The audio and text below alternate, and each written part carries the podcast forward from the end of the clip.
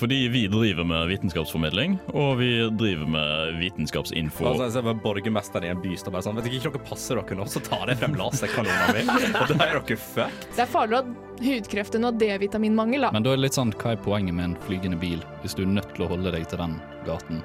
Det Jeg gleder meg til å vitenskape med dere. Du hører på Uillustrert vitenskap.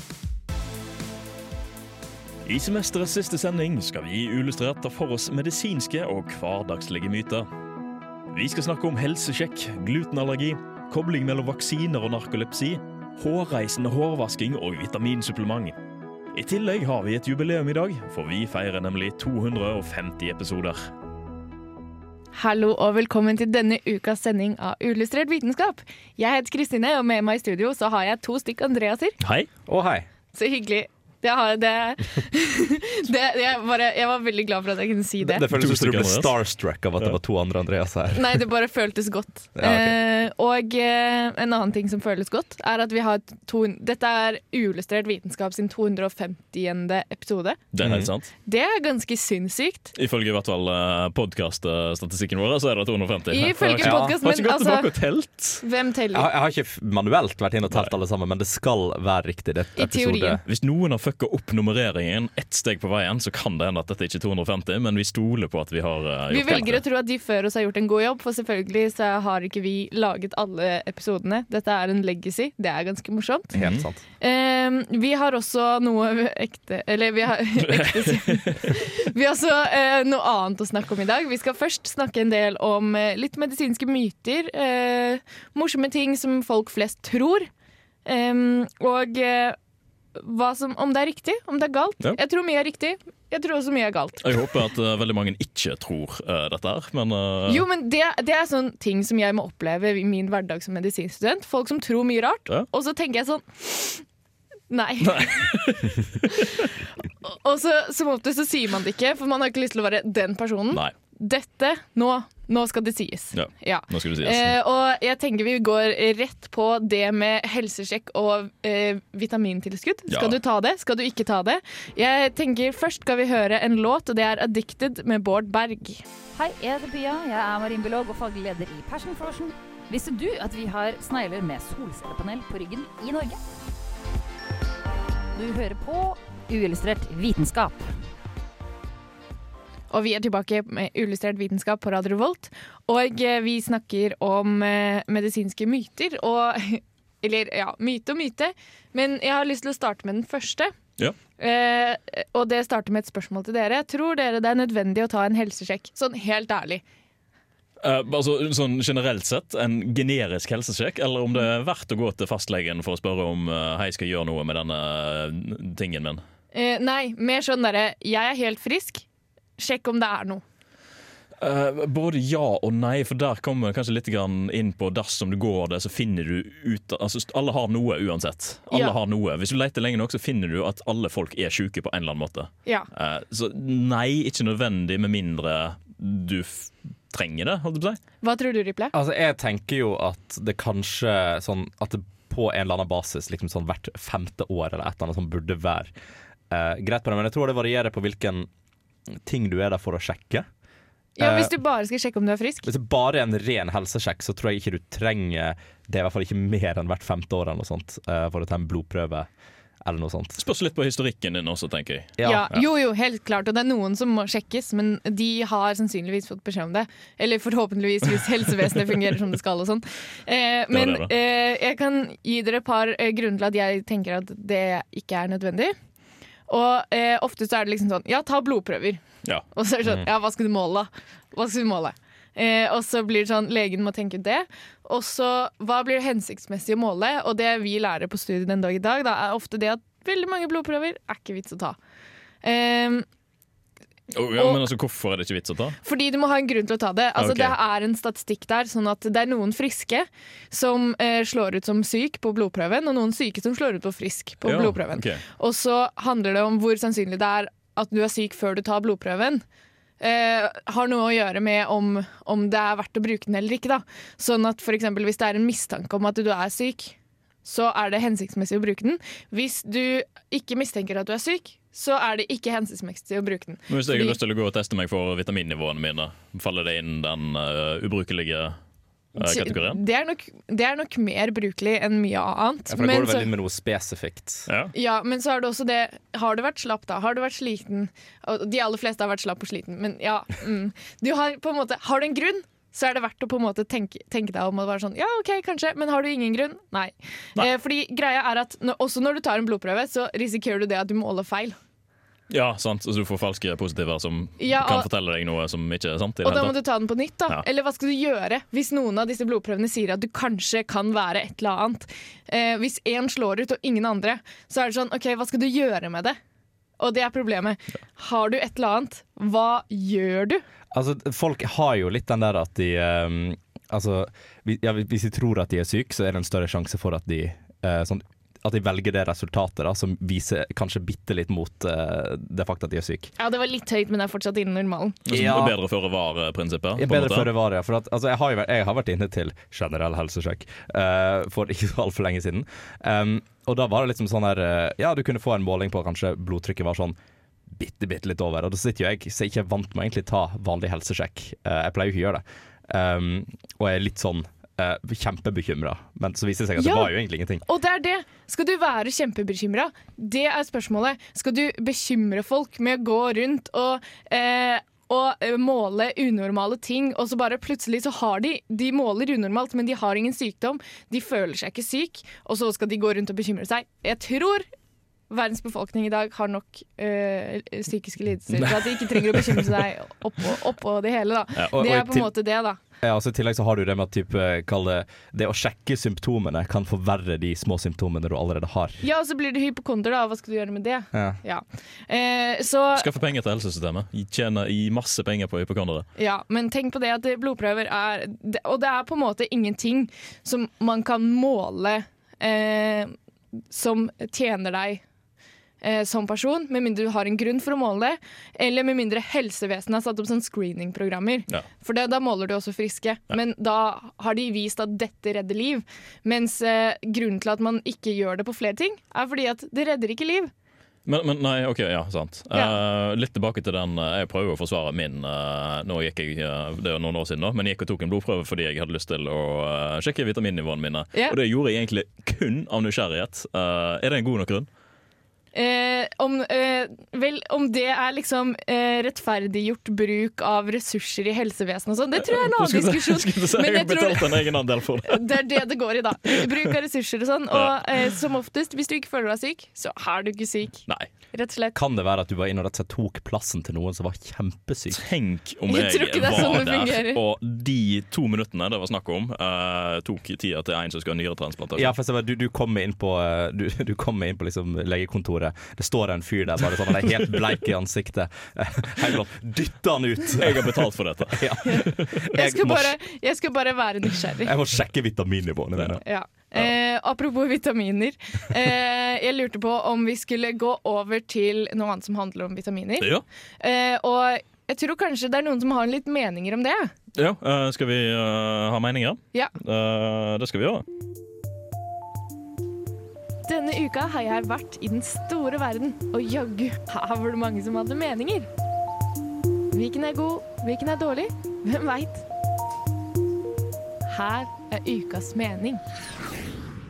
Og eh, til ukas mening, den har du samlet inn eh, på kommentarfeltet, Andreas. Ja, jeg har vært ute på eh, ikke det store verden, for det er for skummelt. Jeg har vært på internett, der er det litt tryggere. Men jeg har beveget meg inn på uh, nettavis-kommentarfelt. Eh, der er det jo mange dessverre skumle meninger der også. Ja, Hva er den skumle meningen i dag? Vi snakker om eh, kosthold, eh, fordi det er jo ganske relevant til en eh, medisinsk myte. Og så snakker vi da om, eh, sterk kritikk mot veganske kosthold. Uh. Sterk kritikk! Ja, det er faktisk direkte aggressiv kritikk. Ja. Eh, vedkommende mener at myndighetene burde advare mot å spise mat som uh, dek ikke, som, altså både, som ikke og aldri dekker kroppens behov for vitaminer, mineraler, aminosyrer og fettsyrer. Å nekte sine barn viktig og riktig næring burde anses som barnemishandling. Oi. Og da mener, sikter de da til at den veganske dietten er det som forårsaker eh, eh, Ja, altså malnourishment, som det heter på godt norsk. Eh, ja, eh, Nei, hæ? Men kjøtt har jo alle vitaminer og mineraler. ikke Ja, det? ja, ja, det Det- er altså, det massevis er av veldig- C-vitaminer i en god biff. Oh, ja, ja, ja. det er veldig lett eh, å få i seg alt ved et animalsk eh, kosthold. Mm. Fordi at sånn, Drikker du melk, da, så er det jo laget for å fôre opp eh, babykuer. Ja. Eh, og det å fòre opp babyene sine med det, er jo også ja, Ja. det nesten, Da blir vi nesten ku, da. Altså, det, det er jo det. Um, det er noe som heter alt i moderasjon, og det er jo det som en skal du måte- komme her og være politisk korrekt med alt i moderasjon? Ja, men, men Å, altså, kosthold, altså, greit nok. Ma mange argumenterer jo med at nei, å nei, vi er ikke planteetere fordi vi har uh, uh, syre i magen som egner seg til å proteinere kjøtt og ikke til planter osv. Men altså, hallo, vi spiser jo ikke gress. Vi spiser jo plantebaserte proteiner og karbohydrater. Det er jo det vi øh, gjør som på en måte vi kan bryte ned. Ja, altså Mennesker er jo laget for å spise alt. Ja. Sånn eh, måketendenser, liksom. Ja. Du kan spise hva du vil og fortsatt leve fint på det, men kan du leve på bare vegansk? Ja, øh, det er vel det eneste er B12 som du ikke får ifra noe rent vegansk. Ja. Eh, men altså, i likhet med både vegansk eh, og vegetarisk og kjøttariansk og alt mulig sånt, du må, vite, du må vite hva du driver med for å være sikker på det. Og det som fordelen med den norske husmannskosten er jo det at vi får det inn med morsmelka. si. Du er oppvant til det. Du vet det fungerer. Besteforeldrene dine spiste, og oldeforeldrene dine spiste. Gått gjennom hele livet. Det fungerer. Så når noen kommer og utfordrer dine tradisjonelle kostvaner med et eh, vegetariansk eh, kosthold, så er det mange i kommentarfeltene som blir redde. Kan du ikke Ja. bare ete pota? Pota og sild! Pota og sild er ordner det meste. Ja. Jo, men altså, det, det blir jo Folk er jo veldig redd for det der eh, det nye. Oh. Ja, men så er det det med B12-vitaminmangel, da. Klarer å fikse det på en måte. Ja, Skal du da ta vitamintilskudd? Ja.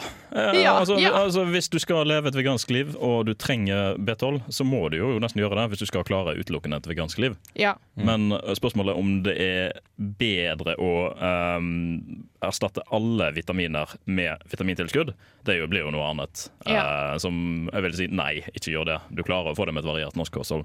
Selv om du spiser altså, da, Så lenge du ikke spiser utelukkende i Instagram- Instagram-nudler. Instagram Insta-noodles og uh, uh, Fanta Exotic, skulle jeg si. Men det er jo da litt sånn spørsmålet om eh, skal man eh, sette barn på vitamintilskudd.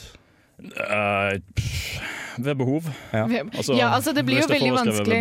Si du har kresne barn som skal leve på veganerdiett, og de ikke liker liksom eh, linser, kikerter eller spinat eller brokkoli. Sier du, har sier du at veganere er kresne? Nei, jeg sier at barn er kresne. Ja, er og, da ha, og da har du plutselig et begrenset mengde mat å gå etter. Men, men da, da klarer du jo ikke å dekke proteinkildene engang, hvis du ikke liker de vanlige veganske proteinkildene. Nei, og da har du et problem.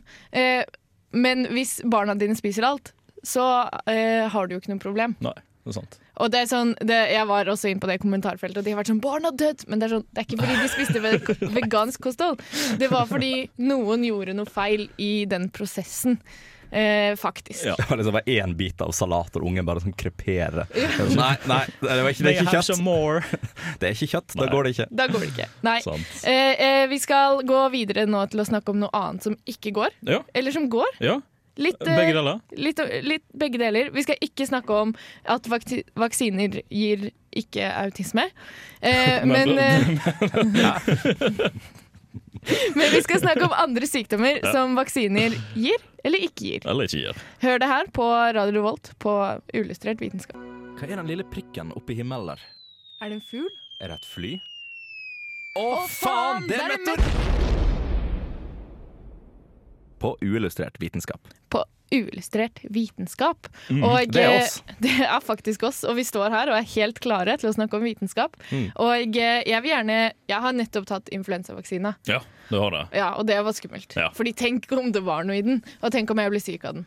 Ja, for det er jo en veldig um, jeg, jeg håper, Dette er en av de tingene som jeg håper at folk flest ikke tror, men siden temaet er litt grann at vi skal ta ting som folk flest tror, så blir det jo som å late som at folk flest tror dette. Og folk flest tror at det er skadelige virkestoffer i vaksiner. Nei. Ja, men det er mange, jo, men det er mange som tror at det kan At det er litt sånn fishy. Ja, jo, altså tro at det er fishy, men hva tenker du på? At eh, sånn Etter den greia med eh, svineinfluensavaksina Mm. og det med kvikksølv eh, Og det er mye rart eh, der ute. Altså, Hvis jeg skal være liksom eh, teknisk sett-fyren, eh, sånn som jeg liker å være, eh, så er det jo skadelige virkestoffer i vaksiner med at du slipper inn en liten del av sykdommen for å skape en resistanse. Å, men Jo. den er søt og liten, da. Uh, ja, ja. Men vi tenker på skadelige metaller og ting som man ikke har lyst på i kroppen. Utenom altså vaksinens uh, uh, dyr, holdt jeg på å si. Ja, altså det er jo Det det. Er jo for eksempel en, uh, altså en viss mengde aluminium, for eksempel. Ja, det det. Men den mengden er så liten at du får mer av å spise ett stykk frukt om dagen. Det er helt sant. Eh, Når man sier det, doseringen på um, både um, hva heter det, både kviks, uh, kvikksølvvirkestoffet, som heter så mye som um, Kvikksølv? Nei. For eksempel? Kvikksølv 2. Uh, Timesoral, Tiomersal. som det heter, ja. Eh, og uh, aluminium og formaldehyd det finnes alle sammen i vaksiner. Men eh, doseringen er som du sier langt mindre enn det du får i deg i dine, ditt naturlige habitat uh, når du spiser mat i løpet av en dag. Men det er vel også sånn uh, kvikksølv tok de jo til og med ned mengden òg, fordi Ja. det var folk som klagde Ja. på det. Alle sammen er godt under uh, anbefalt inntak av disse tungmetallene. Eh, og altså Mengden aluminium anslagsvis er 0,125 milligram til eh, 0,625 milligram per dosering. Som vil si en ti milliontedels kilogram. Ja, så veldig lite. Det er lite. ganske lite. Du må sitte og trykke i deg et par vaksiner om dagen hvis du skal eh, Hvis du skal, over, ja, altså hvis du skal opp i noen gram milligram, da, eller noen flere milligram, hele milligram, så er det jo ganske mange, masse du må høye Da tror jeg du får influensa først, Ja, kanskje. det tror jeg kanskje. Ja. Uh, men vi var jo og snakka på influensavaksiner, og om du Ja. får sykdommen. Og i 2009 så var det jo Nuff Nuff Motherfucker, en uh, svineinfluensaepidemi, hey. uh, som skjedde. Og da var det jo uh, egentlig en ganske stor og rask prosess med å fremstille denne vaksinen. Det var testa på en liten base mennesker. Jeg tror det, I Sverige så var det testet på 8000 mennesker før norske helsedepartementet godkjente den for bruk i Norge. Eh, og så tror man jo da at eh, eh, dette har forårsaka flere tilfeller av narkolepsi i Norge. Eh, og det, det er i sammenheng med at i den perioden fra 2009 til 2012 så viste det seg å være omtrentlig noen og 70 tilfeller av narkolepsi. Derav noen og 50 var, eh, hadde også tatt vaksinen, og ca. 16 hadde ikke tatt vaksinen. Ja, Så det var flere som hadde tatt vaksinen som fikk narkolepsi, Ja, så- enn de som ikke hadde tatt vaksinen? Så studiet i hermetegn konkluderte med at det var fem ganger så stor eh, risikofare for å få narkolepsi dersom du tok vaksinen eller ikke. Men Ja. så har du det hvorfor var det langt flere enn normalen som fikk narkolepsi eh, uten å ta vaksinen. Og Ja, for det var det også. ja, sant, det var flere bas, Basenivået på de som ikke hadde tatt òg, var flere. Så da må man jo på en måte lese inn i tallene da, og se her sammenhengen eh, mellom om det var eh, influensaviruset som gjorde det sjøl. Eh, eller om det var tilfeldig at disse menneskene som også tok eh, vaksinen, var disponible for å få narkolepsi. Eh, og mange sånne ting som det der da. For det kan jo hende at det var mange av de som tok eh, vaksinen, tok vaksinen på et tidspunkt når eh, epidemien var på sitt høyeste, så kanskje de allerede hadde influensaen. Eh, og at det var det som var grunnen. Ja, At de hadde fått influensa før Ja. de tok vaksinen. Ja. Og da kan det hende, fordi eh, det var vel Folkehelseinstituttet som skrev det, også vi kan ikke utelukke at det er influensa i seg selv Mm. som kan gjøre det. Og det er ikke helt fremmed for vitenskapen, det at når man har et virus, så kan det utløse sykdommer. Mm. Altså Du kan jo få diabetes etter å ha hatt et virus. Du kan, ja, det er mye som blir utløst av virus, da. Ja. så det gjør endringer på kroppen vår en forkjølelse. Ja, det, altså, det setter jo i gang en immunrespons da, som skal angrepe disse her uh, tingene som du ikke vil ha i kroppen, men så er det jo kanskje at det angreper noe annet også som utløser eh, kanskje noe du ikke har lyst til å utløse. Ja, Det er ikke så synt, sunt å være syk, Nei, nei, nei, nei. Men det er jo òg faren med at du har en studie som blir, som blir gjennomført på så kort tid og så intensivt. Ja, eh, for det var jo, dette hasta jo. Dette var jo en influensatype som eh, veldig få i Norge var immunisert mot allerede. Eh, så derfor ble det litt sånn epidemistemning eh, i 2009, da. Så, Men altså, vi vet jo at svineinfluensa kommer fra chemtrails uansett, så det er jo ikke noe å si. Nei, det er ikke noe å si. Eh, Men dette er jo på en måte utenfor det med, det med konspirasjonsteorier, for dette er jo noe som faktisk skjedde. Ja. Og det er jo lurt å tenke på det at det, det ikke nødvendigvis hadde en sammenheng likevel, da. Ja. Eh, eller at det var flere ting som kunne spilt inn, at det ikke nødvendigvis var vaksinen, Mm. men at det også kan ha vært virus i seg selv, eller andre ting Ja. som skjedde da. Det er helt sant. Uh, så var det én ting til, uh, men jeg tror ikke jeg kommer på hva det var. Har du glemt det? Jeg tror jeg glemte det. Ja, Kanskje det var vaksinen som gjorde det. Kanskje det var vaksinen som gjorde det, kanskje det var sykdommen som gjorde det. Uh, det er vanskelig å vite. Fordi, uh, jo, det var, noe med på det. Fordi i Danmark, der man var uh, mindre på det med å vaksinere, så var det også vist økte tilfeller av eh, narkolepsi. I andre land i verden, Kina og noen andre amerik nei, asiatiske land, så var det også vist uh, økte mengder narkolepsi. Eh, og i, både i Asia og Amerika så brukte de en annen versjon av vaksinen for denne influensaen. Så det kan hende det liksom da en tidligere liksom, testversjon, da? Nei, nei, du- utvikla to vaksiner parallelt. Ja, og så var det én som ble brukt i hovedsak i Norden og Europa, og så en som ble hovedsak brukt i Amerika og Asia. Ja, på grunn av at de har forskjellige kriterier for godkjenning? Enten det eller altså, det To kan, forskjellige kan firmaer. Ja, to Ja. forskjellige firmaer det, utvikla eller sånn, parallelt. ja, forskjellige, forskjellige grunner. Ja. Så det er vanskelig å påsi om det er vaksinen eller sykdommen som har gjort det. Konklusjon. Ja, hm. Det er mange ting vi ikke kan forklare her i verden, og det er også det med gluten. Gluten, ja. Ja, Er du- Noe veldig farlig stoff som Ja. finnes i noe du spiser hver dag. Vi skal snakke mer om det, men først skal vi høre The Pinkertons med It Ain't Love her på Uillustrert vitenskap på Radio Revolt.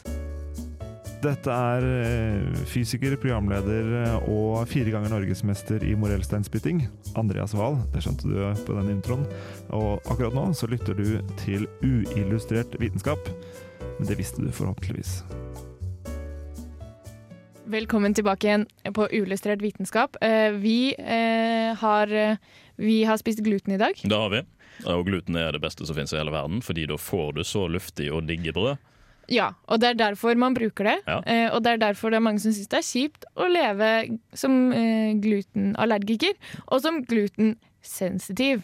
OK, hva Og det Nå skal vi diskutere dette. Nå skal vi diskutere. Jeg Ja. er klar. Eh, og det som er greia, er at ofte så er det en, en eh, allergi, en tilstand, som gjør at man blir liksom slapp og sliten, man får litt mageproblemer, men du trenger ikke å få så mye.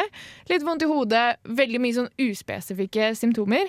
Og så er det mange som blir så bra etter de slutter med glutenfri kost. Mm. Eller begynner med, da, glutenfri kost. Okay. Ja. Ja. Eh, og så har du det med at det finnes folk som er allergiske mot gluten. Ja, det tror jeg på. Eh, det heter cøliaki. Det er en tilstand som er liksom veldig bankers. Har du sånne forandringer, sånn blodprøve, eh, sånn eh, ser det ut på tynntarmen, da, da, da, da har du cøliaki, da. Mm. Men så er det det at det, det er noen som også mener de er allergiske mot gluten, men ikke har disse prøvene. Hva er de? Eh, det, altså, det faller jo litt inn for hypokonder, spør du meg. egentlig. Altså, Du leter etter problemer der du vil, men jeg tror egentlig eh, min teori der er jo at eh, man har eh, eh, Spiser kanskje for mye av det. Ikke nødvendigvis at eh, det er glutenet som slår ut, men at du spiser kanskje for mye av den type karbohydrater som kan gjøre deg litt sånn trøtt og treig, uh, eksempel. Ja. Eller er det sant, eller, eller skal man ta de som mener de er glutensensitive, eh, seriøst? Skal vi ta en sånn eh, psykologisk evaluering på det, liksom, om, eh, om, om det, du kan påvise cøliaki både med eh, allergiske fysiske tester og utredning? Altså Du har jo på en måte noe som heter I hvert fall det husker jeg var litt sånn terminologi før. For dette var jo en ting som var blåst opp ganske i media for en god del år tilbake siden. Ja. Ja. Eh, og da var det jo det som jeg tror det ble referert til som glutensympatisører. Nei! Eh, på en måte som, for at Det er jo genuint en tilstand av at du ser at noen andre blir syke eller blir dårlige av noe, så kan du få de samme reaksjonene. Spesielt hvis man har et, et følelsesmessig bånd knytta mellom disse personene. Um, og da kunne eh, Da var det folk som genuint mente, mente at de kunne måtte, når noen ble dårlige av gluten, så ble de òg dårlige av gluten. Og da holdt de seg unna det. Og det er kanskje det som starta det å være glutensensitiv. Vet du hva? Nå, nå, jeg, ble, jeg merker nå at jeg ble litt provosert. eh, fordi at nå skal jeg debunke dere begge. Ja, ok. Fordi Ja. vi, vi, jeg mente bare- feil, vi, vi, vi mente feil begge to, sant? Ja, Ja. Jeg vil gjerne presisere at det var ikke min mening. Oh, ja. takk. takk. Men uh, takk for innspillet likevel. Ja. Vi trenger å være litt uenige. Mm. Eh, og, fordi det er noe som er å være uh, glutensensitiv. Det er veldig uspesifikt og omdiskutert og mye forsket på nå i det siste hvor det har vært mer fokus på det. Og så har man funnet ut at disse menneskene reagerer kanskje ikke på gluten i seg selv, men i andre ting som er i korn. Og når du da slutter å spise korn, så blir det jo da bra. ja, sant? Eh, men det er ikke glutenet som gjør det. Det er ikke det som gjør det farlig. Så du blir like dårlig av å spise mel som å spise mel med ekstra gluten. Så, eh, så jeg var nesten rett, og det hadde noe med hva du spiste. Du kalte de hypokondere. Det er useriøst. Dette er mennesker med ekte plager. Ekte mennesker med ekte plager. Jeg skal ikke bli lege, forresten, så slapp helt av. Ja. Eh, men det er altså da noe som heter fruktaner, eller den type sukker, da. Ja. Som magen syns er litt vanskelig å bryte ned. Og så blir det luft og sånn. Ja. Eh, kjipt. Eh, og så er det jo det at det er noen som har irritabel tarm, som det heter. Mm. Eh, litt uspesifikt det der. Eh, Spørsmålet angående de karbonkjedene som du nevnte nå. Kan, Ja. man, uh, kan man utsette de for emulase og så bryte de ned til enklere sukkerkjeder? Og så dyppe brødet ditt i uh, Trekke det i varmt vann, og så kan du spise det? Litt, litt sånn som ølbrygging. Du mesker det i varmt vann for å bryte ned kompliserte du har nå. Bare, ja, men, ja, men ah, du er glutensensitiv. Ja, men her, jeg har kuren. Ja, men Andreas, eh, du har noe som heter spytt. Ja. Og det er det samme som å dyppe brødet i vann. Bortsett fra at du f- dypper det i vann etter å ha spist det. Ja. Sånn at det er litt mer appetittvekkende. Litt- litt litt, litt eh, enklere. Ja, det er laget for å bryte ned karbohydrater. Ja. Men dette er en sånn karbohydrat Det er, altså, det er vanskeligere å bryte ned, da. Rett og slett. Um, men så er det jo eh, Og så tenker man ja ja, dette var veldig rart. Er det noen som faktisk har dette? Og så er det jo disse studiene hvor, sånn, hvor det var sånn Ja, dette er muffins med gluten i, dette er muffins uten gluten. Eh, og så skal du spise, eh, spise de på forskjellige tidspunkter, og så skal vi eh, se om du reagerer eller ikke. Og så eh, reagerte de ikke. Nei. Nei. Og så, var det, og så viste det seg at det var dette karbohydratet da, som gjorde at de ble dårlige. Og så er det jo også det at eh, Har dere hørt om FODMAP-dietten? Jeg har hørt navnet FODMAP, men jeg husker ikke hva det var. Nei, for det er også en sånn ting. Det er, det er en ting. En greie, rett og slett. da. Eh, Ja, eh, rett og slett en greie. Og så er det noen som er sånn Wow, shit, dette skal være dritsunt! Fikk så mye energi. Eh, det er veldig kjipt. Det er en sånn liste over ting du skal kutte ut. Og så skal du prøve igjen å spise enkelte matvarer, så kan det hende det er noen ting du takler bra og ikke bra. Ja. Men du må i hvert fall spise nesten ingenting Altså, i en lang periode. Du luker ut alt som er moro og gøy. Eh, ja, som Ja. for eksempel det med brød og sukker og alt det Og der. øl og- ja, og øl og all, sånne ting da, som er hyggelig. Eh, og, men det er det vist. Det er faktisk vist at det er noen med eh, irritabel tarm, eller sånn eh, ja, eh, ofte litt sånn uspesifikke, men ganske spesifikke likevel, mageplager, som kan bli eh, bra av å spise sånn mat. Mm. Men det er ikke alle. Men det viser seg at det er en sånn gruppe mennesker da, som kan eh, ha en bedring, som da ikke er glutensensitive, glutenallergikere, men de har rett og slett andre ting de reagerer på i mat, eh, som eh, de har en fordel av å ikke spise. Mm. Og dette er ikke allergi. Um, intoleranse. Nei, Nei. nei, det er egentlig bare sånn eh, Jeg vet ikke om det fins et ord for det. Det er bare sånn Jeg klarer ikke å bryte ned dette. Dette lager luft i min mage. Ja. Eh, jeg dropper å spise det fordi det er ubehagelig for meg. Ja. Det er ikke sånn Jeg er ikke allergisk, jeg er ikke syk. Dette er ubehagelig. Jeg driter i det. Ja. Eh, og det kan hjelpe for noen, ikke for alle. Men jeg tror det er rett og slett sånn Har du plager? Ofte så eh, Noen ting kan hjelpe deg. Eh, gluten er ikke eh, kilden til alt ondt, da. Nei, skjønner. Ofte mye som vi ikke vet. Ja. ja. sånn som veldig mye i denne verden. Det er rett og slett sånn. Ja. Eh, vi skal gå over til eh, å snakke om eh, vår 250. sending og litt uillustrert vitenskap sin historie. Ja. Faktisk noe helt annet. Vi har debunka veldig mye myter så langt, håper jeg. Ja, Det var veldig mye som jeg håper folk har blitt litt opplyst om. Og helt ærlig, jeg håper at folk ikke trodde på disse tingene allerede, men det kan jo hende at de gjør det. Jo, men det er helt vanlig, så ikke føl deg teit. Nei. Eh, Ja, fordi ok, det var Nå var jeg veldig condescending. Jeg beklager, det var ikke meningen. Ja, det var det. Eh, Man kan lære noe nytt Ja. hver eneste dag, Eh, altså, tenker jeg. eh, Ja. fordi, fordi ja, Grunnen til at jeg sier det, er fordi jeg vil at folk skal være pro-vaksiner. Ja, Derfor. der har vi det. Ja. Der har vi det. ja. Og med det politisk korrekte utsagn- utsagnet så eh, skal vi Hilsen gå redaksjonssjef. Så skal vi gå over til å snakke om uillustrert vitenskap, men før det så skal vi høre I er din pappa med vikingdeathtrap.exe. Houston, we got some unillustrated facts about space. Eagle Houston, you're a go for landing, over. Uillustrert vitenskaps romfakta.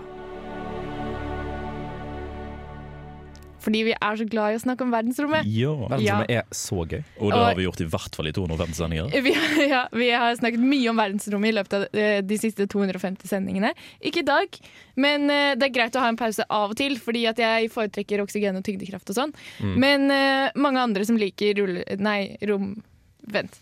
Mange andre som liker verdensrommet, har også vært med i Illustrert vitenskap. Det har du fått litt uh, mer innblikk i det siste, Ripley. Ja, uh, fordi at jeg fant ut plutselig at jeg ville sitte i går og eh, rett og slett sjekke opp litt i Uillustrert sin historie og hva Uillustrert har vært før oss. da Fordi det, vi har ikke vært med siden 2007. Vært med lenge, men ikke siden 2007. Nei, det er helt sant. Uh, og, så jeg tok, slett tok en liten dypdykk inn i det, for at jeg har vært nysgjerrig på det tidligere. Fordi uh, altså det, mm, ja, det, det var mye gøy før. Og Uillustrert har ikke vært uh, det som det er nå, da.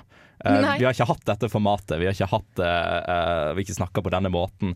Og det starta egentlig, som mange programmer gjør, da, litt mer lettbeint.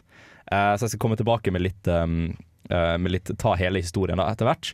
Um, så jeg, det jeg gjorde da var at jeg prøvde å komme i kontakt med en del av de tidligere medlemmene i Uillustrert. Og spoiler alert, jeg har kommet i kontakt med eh, en av de som grunnla Uillustrert for første gang tilbake i eh, 2007. Oi. Um, men veldig mange jeg har prøvd å kontakte også har ikke svart. Det er veldig vanskelig å finne kontaktinfo til folk, fordi at folk er som regel litt skjult på nettet. Og de er Eh, voksne mennesker. de er òg voksne mennesker. Som bruker fornavnet sitt på radio. Ja. Eh, så det er faktisk veldig vanskelig å, å finne ut av det. Men jeg tenkte også først og fremst at vi, vi har fått uh, tilsendt en Ja. liten hilsen Det har vi. Uh, fra en av medlemmene som du kjenner litt, kanskje? Ja, det gjør jeg. Hvis det er, det er vedkommende som heter Gaute. Det er Gaute, Det er ja. Gaute, ja. Gaute var med å ta meg opp til Illustrert vitenskap en vakker vinternatt i 2015. Veldig fint. Hei sann, uillustrert. Dette er Gaute. Jeg var et fast innslag i programmet fra 2013 og ut 2015. Da studerte jeg biologi. Nå jobber jeg med vannrenseteknologi og fiskevelferd i Finnmark, der sushilaks tar sine første svømmetak under nordlys og midnattssol. Visste du at den rødoransje fargen i laksekjøtt kommer fra astasantin, det samme stoffet som gjør flamingoer rosa? Hurra for episode 250. Det visste jeg faktisk! Ja, du visste det? Ja, jeg visste det. Det er fordi de spiser et eller annet som er rosa. eller noe sånt. Og hvis du ikke gir den tingen til oppdrettslaks som eh, eh, lag, lager den fargen, så blir de hvite. Oh, wow. Så ja, Det er jo litt kjedelig, da. Det er litt kjedelig. mye kulere med rosa fisk. Ja. Og rosa flamingoer, for den saks skyld òg. Ja, det er mye kulere. Så hurra for eh, Jeg husker ikke hva det var. Eh, Det hadde vært stoffet. et fint eh, navn. Det rosa stoffet. Ja. Ja. Eh, Det er så utrolig hyggelig at eh, jeg ville sende en hilsen. da For folk, eh, folk beveger seg jo videre fra radioen òg, så det er gøy å høre hvor folk jobber. Og de får seg jobber og Ja, sånn. jobb og noen, sånn. noen fullfører utdanningen sin og får seg jobb. en skulle tenkt at kanskje det er håp for oss en dag òg. Ja. En dag. En vakker dag. Ja. Hva mer har du funnet ut, eh, Riple? Um, jeg, har, eh, jeg tenkte egentlig at før vi, eh, vi setter i gang med liksom denne store, fine historien til Ulløse vitenskap, så har jeg satt sammen en liten kall det compilation. Uh, der jeg har ja, satt sammen litt fra de nyere sendingene våre og de gamle sendingene, og litt rett og slett litt, eh, litt sånn der god mimring, da. Eh, så vi kan føre den nå. Ja. Dagen i dag er 19. november 2019. Og Uillustrert vitenskap har hatt 250 episoder. Dette må selvfølgelig feires, så her har du en liten compilation fra Uillustrert vitenskap.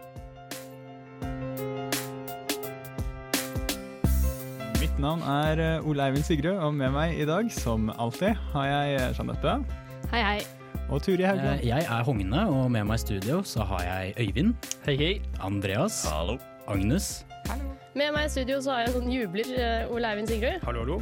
og Sunn Islam. Hei. Hei, Mitt navn er Andreas Haugland, og med meg i studio i dag har jeg Andreas. Det har du. Og til Andreas. Hallo. Og så har jeg Martin. Hallo. Med meg i Ja. i dag så har jeg Martin. Det har du. Hallo, hallo. Jeg har Kristine. Hei, hei. Og Andreas. Hallo, hallo, hallo. Eh, og i dag så beveger oss litt vekk fra dop, eh, selv om vi kommer selvfølgelig tilbake til det senere i sendinga. Eh, eh, som sagt så skal vi ta for oss eh, gruvedrift eh, i dag. Fordi det har skjedd uh, nye ting på forskningsfronten, sånn som det alltid Du gjør. lytter til Uillustrert vitenskaps tredje årlige Ig Nobel-spesial her på Radio I dag skal vi nemlig snakke om uh, romsonder og uh, ikke minst stort sett Mars. Men, men, vi skal ikke snakke om plater. Vi skal eh, få litt forskningsnytt i dag, skal vi ikke det, Jeanette? Jo, det stemmer. Illustrert vitenskap er Midt-Norges eneste teknologimagasin på lokalradio. Illustrert vitenskaps fun fact-skole. Krass fysikk. Vitenskaps. Fobispalte. Forskningsnytt. Nei, det ble feil. Vi er ikke i studio i dag. Replikker er vi?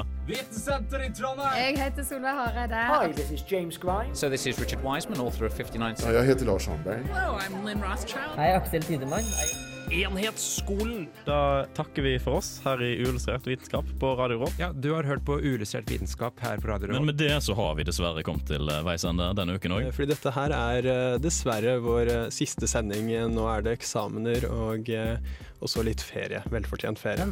Da sier vi ha det. Vi ses neste uke. Science, it works, bitches. Og eh, vitenskap, det fungerer. Det fungerer ennå, det hadde gjort. Det her Mhm. var det mye snacks. Det er mye snacks. eh, og det viser jo at vi har jo egentlig Jeg liker å tro at i løpet av disse 250 episodene så har vi dekka alle verdenstema noensinne. Det tror jeg ikke. Det tror jeg ikke noe på. Jeg tror vi har vært innom AI, eh, klima, verdensrommet, eh, verdensrommet, mye mer enn Historie Eh, ting. mye annet. Mm. Men det skal også, vi hørte òg stemma til, eh, til Ole Einar Siggerud, eh, som ble nevnt der. Mm. Eh, og han sendte meg faktisk en en e-post eh, nå midt under dagens sending. Det blir Ja, koselig. Så hyggelig. Eh, og gratulerer oss med 250 episoder. Eh, veldig, veldig gøy. Eh, han har et lite minne da fra Ulestad vitenskap.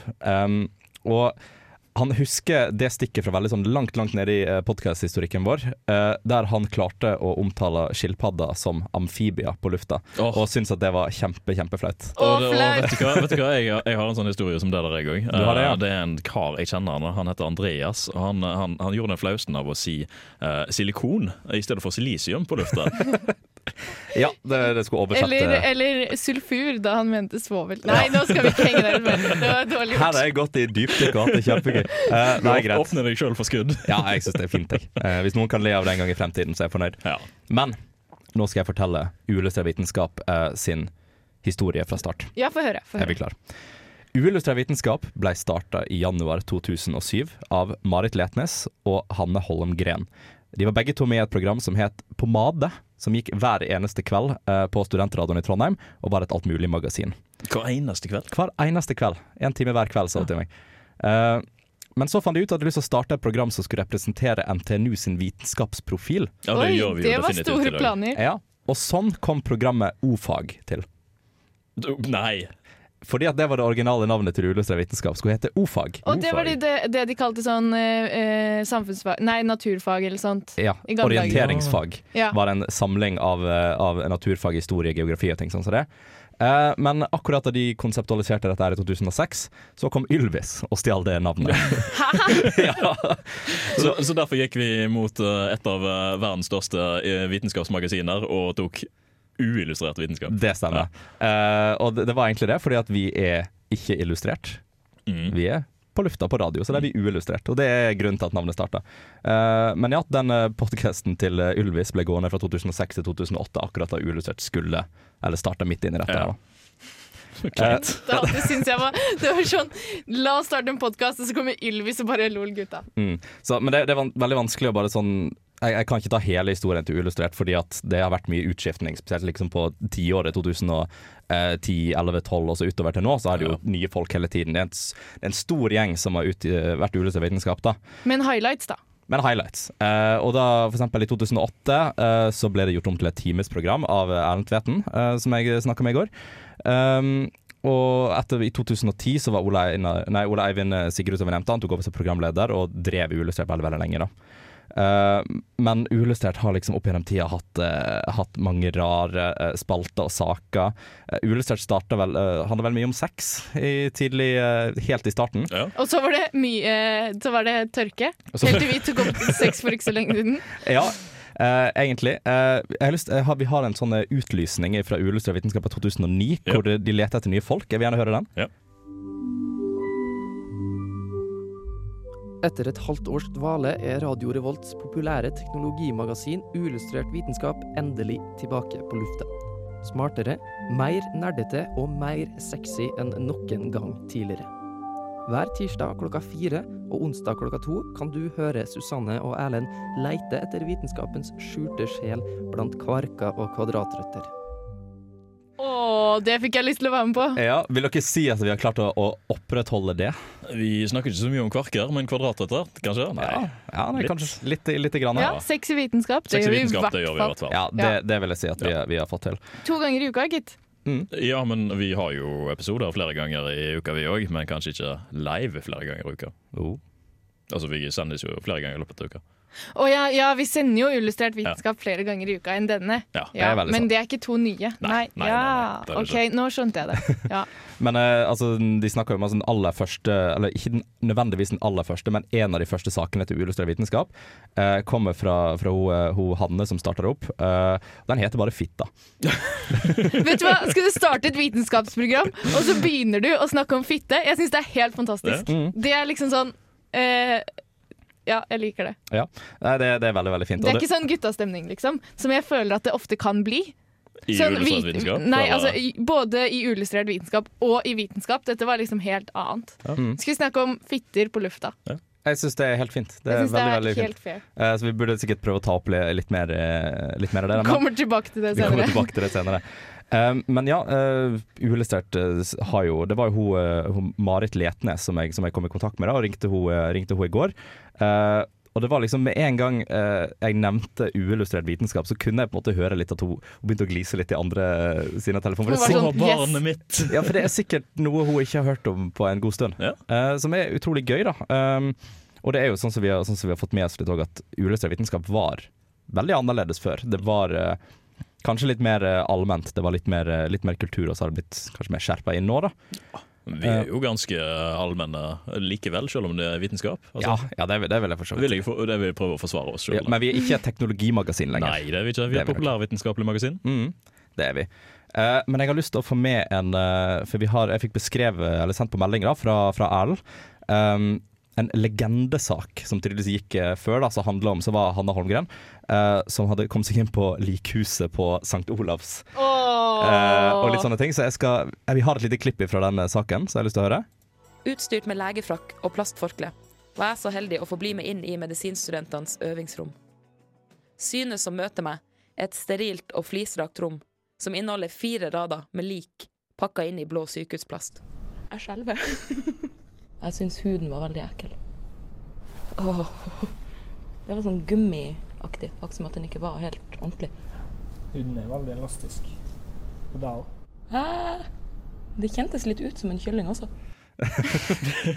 Så, det er Det, jo det var en god sak. Ja, det eh, rommet eksisterer ennå. Det gjør det. Har Ja, du det- lov til å ta oss med dit? Uh, nei, fordi det er noe som heter taushetsplikt. da. Ah, ja. Mm. Så det er sikkert derfor det var uh, ikke navn på denne medisinstudenten. uh, men vi har jo et rom hvor det ligger lik til ethvert hvert, tidspunkt Ja. for å lære. Dette er folk som har donert kroppen sin frivillig til at vi skal lære hvordan menneskekroppen ser ut på innsiden. Mhm. Og ja, den blir sånn gummiaktig og rar. Litt for den litt ligger i formalin i et par måneder. Ja. Og da blir det litt sånn rart. Mm. Ja, men det, altså, det, er jo, det er jo kult, og, for at den eh, reportasjen der varer jo Den, den varer jo igjen fem-seks minutter, var en, en stor greie i 2007-2008. Eh, og jeg, jeg syns jo bare at det er gøy at vi eh, Har laget reportasjer. Det er for sånn å, Ja. nå skal vi gå, og så skal vi se på hvordan dette gjøres i praksis. Ja, men det er jo også sånn Det er jo faktisk tolv år siden. Det er, Faktisk så lenge siden. det er faktisk en god stund siden. Og det sier jo òg litt om hvor lenge uillustrert vitenskap faktisk har holdt på. Det har, For tolv år siden, da konfirmerte jeg meg. Ja, da, da var vi midt i tenåra Ja. og eh, hadde ikke peiling på at vi en dag kom til å sitte på studentradioen i Trondheim. Eh, og mye sånn som det der. Og det var jo òg En kunne jo se det litt på, på måte, de, de programmene som gikk på, gikk på Radio Revolt og Studentene i Trondheim på den tida. Um, det var jo for at de Det kom jo fra et annet program med illustrert vitenskap, sånn som vi nevnte. Det var Pomade. Mm. Uh, alt mulig magasinet. Uh, men disse to som, eh, disse to som starta dette her, var jo òg innom uh, f.eks. et kulturprogram som heter Katarsis. Uh, som var et program som gikk for lenge, lenge lenge siden på, på Radio Revolt. Um, man har jo, men han har jo programmer som, som går i dag.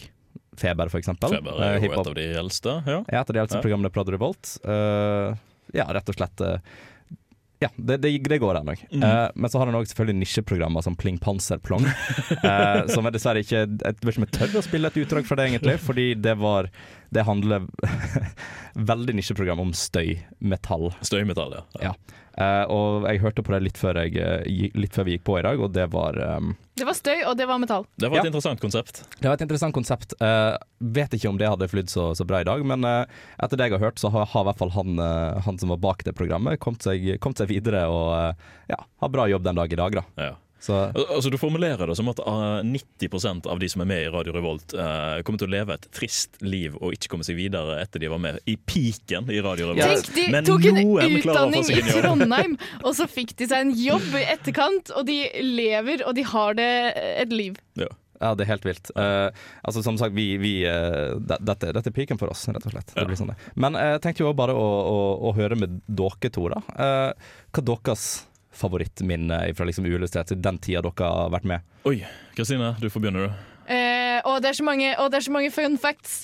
Men jeg tror favoritt-fun facten min er eh, faktisk det med disse eh, tidlige pattedyrene som hadde en flekk på magen som de bare sekrerte melk i.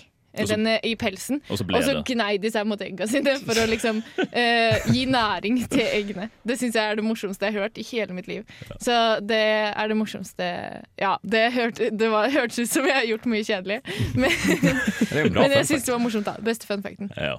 Nei, eh, det morsomste er definitivt eh, for meg som har vært med så lenge, å se på alle forandringene som skjer i programmet. Mm. eh, Basert på hvem som er med i programmet, og hvordan de er med å forme programmet.